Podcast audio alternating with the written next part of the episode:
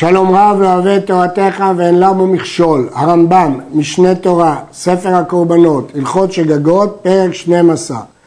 בפרקים אלו יעסוק הרמב"ם בפר העלם דבר של ציבור, כלומר בטעות הוראה של בית דין הגדול. כל דבר שחייבים על שגגתו חטאת קבועה, אם שגגו בית דין הגדול בהוראה והורו להתירו ושגגו העם בהוראייתם בגלל ההוראה של בית דין הגדול ועשו העם והם סומכים על הוראייתם, הם סמכו על הוראיית בית דין הגדול. אחר כך נודע לבית דין שטעו, הרי בית דין חייבים להביא קורבן חטאת על שגגתם בהוראה, אף על פי שלא הם עשו בעצמם מעשה, שאין משגיחים על עשיית בית דין כלל, בין עשו ובין לא עשו, אלא על הוראייתם בלבד. ושאר העם פטורים מן הקורבן. ואף על פי שהם העושים, פני שתלו בבית דין. בית דין טעו בהוראה, אז הם צריכים להביא את קורבן החטאת. העם עשו על פי בית דין, לכן העם פטורים. ומהו הקורבן שמביאים השגגה זו? מה הקורבן שבית דין מביא השגגה זו? אם בעבודה זרה שגגו והורו, דהיינו, על פרט מפרטי עבודה זרה כפי שנלמד בהמשך, מביאים פר לעולה ושעיר לחטאת מכל שבט ושבט. וקורבן זה הוא האמור בפרשת שלח לך במדבר ט"ו והיה עם מעיני העדה, דהיינו הסנהדרין, שמעיני העדה נעשתה לשגגה. מפי השמועה למדו שבשגגת עבודה זרה הוא מדבר. ואם בשאר כרתות שחייבים השגתן חטאת קבועה שגגו והורו, מביא כל שבט ושבט פר חטאת, בלי שעיר. וזהו אמור פרשת ויקרא, ועם כל עדת ישראל ישגו. אז יש שתי פרשיות של טעות בהוראת בית דין. טעות בהוראת עבודה זרה, זה פרשה בספר במדבר, ושם יש פר לעולה ושעיר לחטאת, וטעות בשאר השגגות, שאמורה בספר ויקרא, ושם יש רק פר לחטאת. ואת הקורבנות מביאים על כל שבט ושבט. נמצאת הלמד שאם שגגו בית דין הגדול בהוריה בעבודה זרה, מביאים כל הקהל 12 פרים עולות ו-12 שעירים חטאות, לכל שבט ושבט, והן נשרפות, שהרי נכנס לפנים, והם הנקראים שעירי עבודה זרה.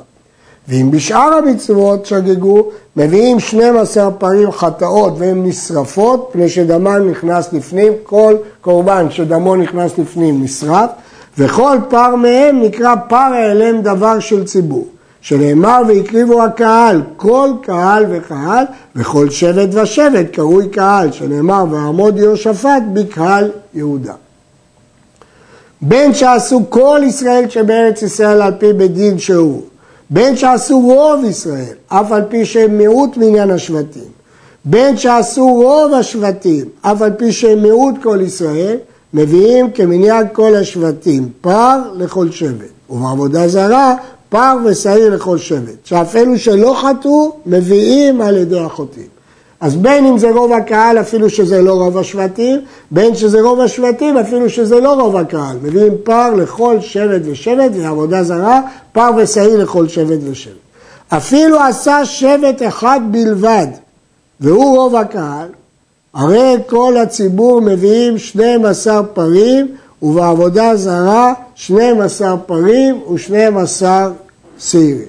אם שבט אחד עשה, אבל הוא רוב הקהל, רוב הקהל מורכב מהשבט הזה, כל הציבור מביאים 12 פרים, בעבודה זרה 12 פרים ו-12 שעירים. בדין שנסתפק להם אם שגגו בהוראה או לא שגגו, אינם חייבים באשם תלוי. אין דין אשם תלוי על שגגת הוראה.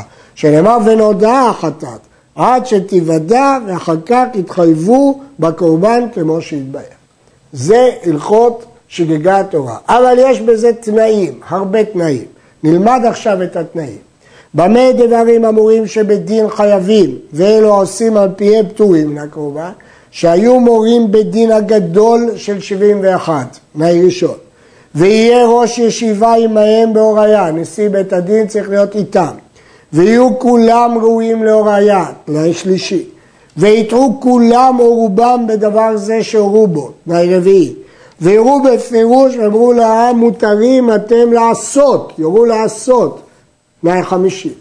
וכן אלו ששמעו לבית דין יאמרו לאחרים, יאמרו להם מותרים אתם לעשות. ויעשו כל הקהל או רובו על פיהם תנאי שישי, ויהיו העושים שוגגים על פיהם ומדווים שהדבר שהורו בו כדת הורו תנאי שביעי, ויורו לבטל מקצת ולקיים מקצת, לא שיעקרו כל הגוף. אמרו, יש שבת בתורה, אבל הם יוצאים לרשות היחיד, לרשות רבים פטור. אבל אם יגידו ששבת בכלל בתורה אין אה, קורבן. וכשיוודע להם ידעו גופו של דבר שהורו בו בשגגה. בכל אלו המראות ושיהיו בדין חייבים בקורבן, והעושה על פיהם פטור.